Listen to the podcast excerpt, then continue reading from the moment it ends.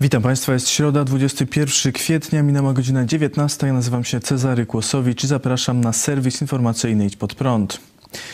11 województw z mniejszymi restrykcjami, w pięciu obostrzenia pozostaną bez zmian. Taką wiadomość przekazał dziś minister zdrowia Adam Niedzielski województwo śląskie, dolnośląskie, wielkopolskie, łódzkie i opolskie, to w tych województwach utrzymujemy dotychczas obowiązujące obostrzenia. W pozostałych województwach e, wykonujemy takie dwa wyraźne kroki. Po pierwsze, przywracamy edukację hybrydową w klasach 1-3. Również w tych województwach, e, również od 26 kwietnia przywracamy funkcjonowanie e, salonów urody, zakładów fryzjerskich i zakładów e, kosmetycznych. Te zmiany są krokiem takim delikatnym, krokiem, który na najbliższy tydzień ma zdefiniować e, właśnie sposób funkcjonowania, ale podkreślamy, że jest to krok taki bardzo ostrożny. Bardzo ostrożny, bo jesteśmy cały czas w sytuacji bardzo dużego obłożenia i hospitalizacji. Cały czas liczba zgonów jest duża i cały czas mamy do czynienia z dużą liczbą e, zakażeń. 740 zgonów i ponad 13 900 zakażeń chińskim koronawirusem w ciągu jednej doby to najnowsze dane przekazane dziś przez resort zdrowia. Łącznie w Polsce z powodu wirusa zmarło już ponad 63 400 osób. O 1200 spadła od wczoraj liczba łóżek szpitalnych zajętych przez osoby zakażone. Obecnie to 30 700. Nadal zmniejsza się także liczba respiratorów wykorzystywanych do leczenia zakażonych. Obecnie wynosi 3265. Jak dotąd ponad 6 milionów 860 tysięcy osób otrzymało w Polsce szczepionkę przeciw koronawirusowi. 2 miliony 340 tysięcy otrzymało już dwie dawki szczepionki. Minister zdrowia Adam Niedzielski stwierdził, że sytuacja epidemiczna polepsza się, ale ciągle jest ciężka. Dzisiejsza liczba zakażeń wynosząca blisko 14 tysięcy oznacza kontynuację trendu spadkowego, jeżeli chodzi o nowe zachorowania. Średnia z ostatniego tygodnia również zbliżyła się do tego poziomu 14 tysięcy, więc widzimy, że systematycznie nowe zakażenia maleją. Również poprawia się sytuacja w szpitalnictwie. Przez ostatni tydzień mamy zmniejszenie obłożenia łóżek o ponad 3 tysiące, a wczoraj mieliśmy taki dzień, e, że to zmniejszenie liczby łóżek przekroczyło wartość 1200 mniej netto łóżek obłożonych w systemie jednego dnia. Trzeba powiedzieć bardzo wyraźnie, że cały czas zarówno poziom zakażeń, jak i poziom hospitalizacji utrzymuje się na bardzo wysokim poziomie. W przyszłym roku również nie będzie egzaminów ustnych na maturze. Ministerstwo Edukacji i Nauki przekazało dziś zasady organizowania egzaminów ósmoklasisty i maturalnych w najbliższych latach. W tym roku mają się one odbyć zgodnie z zaplanowanymi terminami. Egzamin maturalny od 4 maja do 20 maja, natomiast egzamin ósmoklasisty od 25 do 27 maja. Mają być przeprowadzone w reżimie sanitarnym, ale nie będą prowadzone szczepienia ani testowanie uczniów. Za rok, podobnie jak w tym roku, na maturze nie będzie egzaminów ustnych. Będzie natomiast obowiązek przystąpienia do jednego przedmiotu na poziomie rozszerzonym. Natomiast wynik egzaminu z tego przedmiotu nie będzie wpływał na zdanie matury. Podobnie ma być w roku 2023. Na maturze nie będzie progu zaliczeniowego na obowiązkowym egzaminie z przedmiotu dodatkowego. Z kolei egzamin ósmoklasisty w 2022 i 2023 roku odbędzie się w dotychczasowej formule, to znaczy będzie składać się z trzech egzaminów z języka polskiego, z matematyki i z języka obcego. Zapowiadany czwarty egzamin z przedmiotu dodatkowego ma się pojawić nie wcześniej niż w 2024 roku. Minister edukacji Przemysław Czarnek zapowiedział dziś także zmiany w nauczaniu religii i etyki. W wywiadzie dla Gazety Polskiej Czarnek stwierdził, że nauka religii lub etyki będzie obowiązkowa. Rodzice będą mogli tylko wybrać, czy ich dziecko ma uczestniczyć w lekcjach religii czy etyki.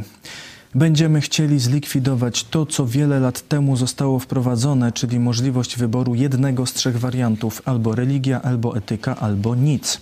To nic stało się dość powszechne na przykład w dużych miastach i właśnie to nic służy temu, by odbywały się podobne zbiegowiska, które kompletnie bezrefleksyjnie podchodzą do życia. Nauka albo religii, albo etyki będzie obligatoryjna, by do młodzieży docierał jakikolwiek przekaz o systemie wartości, powiedział minister edukacji. Już 3 miliony 62 tysiące osób zmarły na całym świecie z powodu koronawirusa z komunistycznych Chin. Tylko wczoraj zmarło blisko 14 tysięcy osób.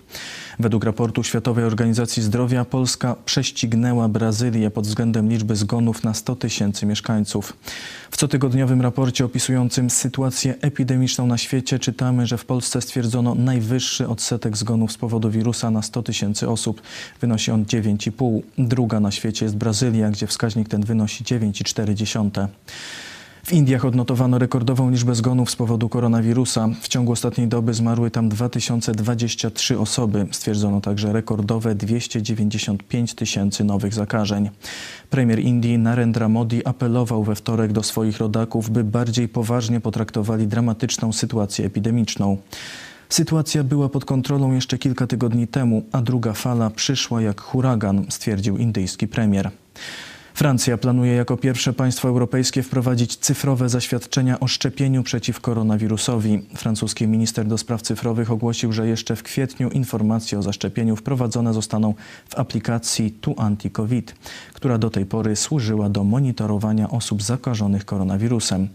Jak powiedział francuski minister do spraw europejskich Clement Bon, Zeszłego lata był totalny chaos, ponieważ mieliśmy różne klasyfikacje, strefy ryzyka, które nie były takie same w poszczególnych krajach. Mam nadzieję, że tego lata odzyskamy wolność dzięki szczepieniom, ostrożności i cyfrowemu certyfikatowi. Władze Portugalii ogłosiły, że już ponad 20% społeczeństwa, czyli ponad 2 miliony osób otrzymało szczepionkę przeciw koronawirusowi. Stosowano preparaty firm Pfizer, Moderna i AstraZeneca. We wtorek Portugalia podała tylko 5 nowych zgonów z powodu wirusa. Dzięki poprawiającej się sytuacji epidemicznej Holandia zniesie godzinę policyjną po 28 kwietnia. Jak zapowiedział premier Holandii Mark Rutte, będzie to ostrożny krok w kierunku przywrócenia normalności. Przed decyzją holenderskiego rządu nie można było wychodzić z domu między godziną 22 a 4.30 rano. Teraz będzie można także przyjmować w ciągu dnia nie jednego gościa, jak to było do tej pory, ale dwóch. Otwarte zostaną także ogródki przy lokalach gastronomicznych. Zniesiony ma być obowiązek zgłaszania chęci zrobienia zakupów. Wielka Brytania planuje na jesieni wprowadzić lek na COVID-19 w formie tabletek. Brytyjski premier Boris Johnson poinformował, że trwa proces opracowywania odpowiedniego preparatu. BBC News podaje, że powstać ma lek antywirusowy, który podawany będzie osobom, u których stwierdzono zakażenie koronawirusem oraz osobom narażonym na kontakt z zakażonymi. Boris Johnson we wtorek powiedział, że walka z pandemią jeszcze się nie skończyła. Jak patrzymy na to, co dzieje się w innych krajach, gdzie odnotowywana jest rekordowa liczba przypadków zakażeń koronawirusem, nie możemy się łudzić, że COVID-19 minął i tak musimy w miarę możliwości nauczyć się żyć z tą chorobą, jak żyjemy z innymi chorobami, powiedział Johnson.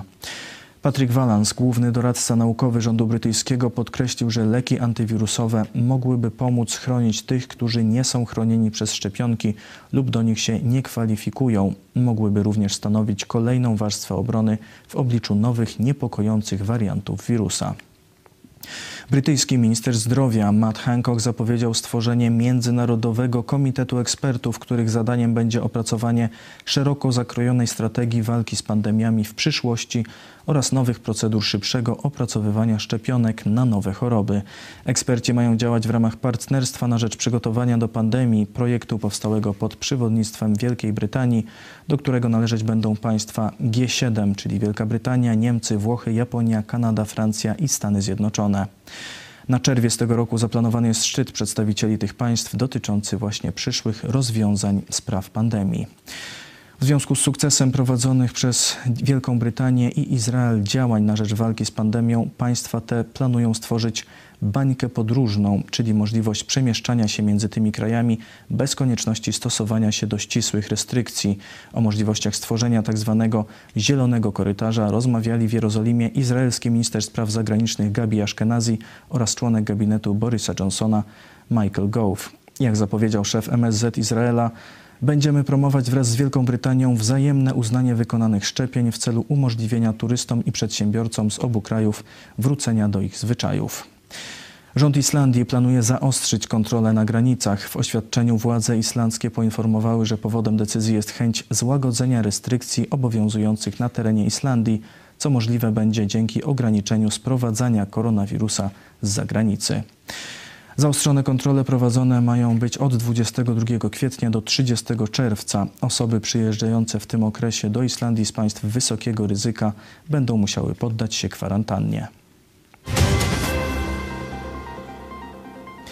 Prezydent Rosji Władimir Putin wygłosił dziś coroczne orędzie do narodu. Większość wystąpienia dotyczyła spraw wewnętrznych, ale przywódca Rosji poruszył też sprawy międzynarodowe. Ocenił, że część krajów przyzwyczaiła się do nakładania nielegalnych jego zdaniem sankcji i narzucania swojej woli. W tym kontekście wymienił rzekome zewnętrzne podżeganie do zamieszek na Białorusi i próbę zamachu na Aleksandra Łukaszenkę. Stwierdził też, że prezydenta Ukrainy Wiktora Janukowycza usunięto w wyniku zewnętrznego podżegania do przewrotu. Nieprzyjazne działania przeciw Rosji są kontynuowane bez żadnego powodu, stwierdził Putin. Nie chcemy palić mostów, ale jeżeli ktoś traktuje nasze dobre zamiary jako słabość i sam chce wysadzać mosty, musi pamiętać, że odpowiedź Rosji będzie asymetryczna, szybka i mocna. Pożałują tego, jak dawno niczego nie żałowali, ostrzegał prezydent Rosji i dodał: Sami określimy, gdzie jest czerwona linia w każdym konkretnym przypadku. Wrogów Rosji Putin porównał do tygrysa Szerekana i szakala Tabaki z Księgi Dżungli. Czepiają się Rosji tu i ówdzie bez powodu. Oczywiście, tak jak wokół Szerekana, kręcą się wokół nich różne małe tabaki. Wszystko jak u Kiplinga. Skomną, żeby przymilać się do suwerena, powiedział rosyjski przywódca. W pewnym momencie Putin przejęzyczył się i zaczął wypowiadać nazwę Układ Warszawski, jednak szybko poprawił się na Układ o Bezpieczeństwie Zbiorowym. Układ ten jest sojuszem wojskowym Rosji i kilku innych państw posowieckich skierowanym przeciwko NATO. Jerzy Haszczyński, szef działu zagranicznego Dziennika Rzeczpospolita, stwierdził, że Putin chce postraszyć i podtrzymać jeszcze Zachód w niepewności. Na portalu rp.pl Haszczyński pisze – to po prostu groźby odłożone w czasie, jakby chciał powiedzieć, jeszcze trochę się podenerwujcie, jakby sugerował głównym graczom, macie swoje problemy, swoje przykuwające uwagę newsy, ze swoim newsem ja jeszcze poczekam. Przekaz dla Zachodu jest prosty, ja wam pokażę, ale nadal nie wiecie jak i gdzie, czyli prawie wszyscy mają drżeć i czekać z nadzieją, że to nie na nich padnie i nie ważyć się nakładać jakichś sankcji. Izrael i Grecja zawarły umowę o współpracy wojskowej. Efektem ma być m.in. powstanie centrum szkoleniowego dla greckich lotników oraz modernizacja greckich samolotów. Według umowy izraelska firma Elbit Systems ma zbudować centrum szkoleniowe dla greckich sił powietrznych. Dokona też modernizacji wyposażenia samolotów treningowych oraz przeglądu szkoleń. Jest to największa jak do tej pory umowa między Izraelem i Grecją. Minister obrony Izraela Benny Gantz powiedział: Jestem przekonany, że współpraca pozytywnie wpłynie na zdolności obronne, ale przyczyni się też do umocnienia ekonomicznego. Wskutek tego partnerstwo naszych krajów obejmujące dziedziny wojska, gospodarki i polityki zostanie jeszcze bardziej pogłębione, powiedział minister obrony Izraela Benny Gantz. Kilka dni przed podpisaniem umowy izraelsko-greckiej ministrowie spraw zagranicznych Izraela, Grecji, Cypru i Zjednoczonych Emiratów Arabskich po spotkaniu na Cyprze zapowiedzieli wzmocnienie współpracy obronnej. Wyrazili też zaniepokojenie działaniami Turcji, która chce przejąć kontrolę nad złożami gazu na wschodzie Morza Śródziemnego. Holenderska gazeta zgadza się z Trumpem. Jak podał holenderski dziennik Der Volkskrant, Chińska firma Huawei mogła podsłuchiwać użytkowników operatora telefonii KPN, w tym członków rządu i premiera Holandii. Gazeta przedstawiła wnioski poufnego raportu z 2010 roku, z którego wynika, że Huawei podsłuchiwał nieograniczoną liczbę rozmów telefonicznych. Sam Huawei oskarżenia odrzuca, twierdzą, twierdząc, że są bezpodstawne. Odcinamy się od sytuacji przedstawionej w artykule. Pracownicy Huawei nie mieli nieautoryzowanego dostępu do sieci i danych KPN, ani danych uzyskanych z tej sieci. Czytamy w oświadczeniu firmy. Holenderski dziennik utrzymuje jednak, że zarzuty są zasadne. W poniedziałek redakcja opublikowała komentarz, w którym stwierdza, że to, że Huawei miał dostęp do wszystkich połączeń komórkowych KPN w 2010 roku, w tym do najbardziej poufnych informacji, zostało opisane przez eksperta jako wielki sukces szpiegowski Chin, poważny atak na bezpieczeństwo narodowe i powód, powód do wielkiego alarmu. Dziennik The Telegraph podkreślił, że działania Huawei stanowią zagrożenie dla bezpieczeństwa narodowego i powołał się na decyzje podjęte wobec firmy przez byłego prezydenta Stanów Zjednoczonych Donalda Trumpa. Wielu nie chce tego słuchać, ale tym, który zbanował Huawei z wymienionych powodów, był prezydent Donald Trump. Trump miał rację, określając Chiny jako poważne zagrożenie dla gospodarki i bezpieczeństwa. Sprawą ma się zająć holenderski parlament. Rosjanie chcą opuścić Międzynarodową Stację Kosmiczną, ponieważ się psuje. Chcą jednak zbudować swoją własną stację. Marcin Palimonka. Rosjanie mogą opuścić Międzynarodową Stację Kosmiczną już w 2024 roku. Obecnie prowadzą dokładną kontrolę stanu technicznego rosyjskich modułów stacji. Jeżeli kontrola wykaże poważne problemy techniczne, stacja zostanie opuszczona przez Rosjan, co stawia jej dalsze funkcjonowanie pod znakiem zapytania. Stacja jest zamieszkiwana nieprzerwanie od 2000 roku. Jest międzynarodowym projektem USA, Rosji, Europejskiej Agencji Kosmicznej, Japonii i Kanady. Na chwilę obecną w rosyjskim module stacji występuje wiele awarii, m.in. instalacji tlenowej i klimatyzacji. Pojawiają się także problemy ze szczelnością, przez co stacja traci powietrze. Według Roskosmosu ilość awarii na Międzynarodowej Stacji Kosmicznej po roku 2025 może zwiększyć się lawinowo, dlatego Rosjanie rozważają opuszczenie stacji. Rosja planuje budowę swojej narodowej stacji kosmicznej już do 2030 roku. Jej całościowy koszt ma wynieść około 6 miliardów dolarów. Prace nad tym projektem trwają od 2010 roku. W przeszłości również Amerykanie planowali opuszczenie Międzynarodowej Stacji Kosmicznej. Ostatecznie jednak przedłużono finansowanie. To wszystko w tym wydaniu serwisu. Dziękuję Państwu za uwagę i zapraszam na kolejny serwis jutro o 19:00. Do zobaczenia.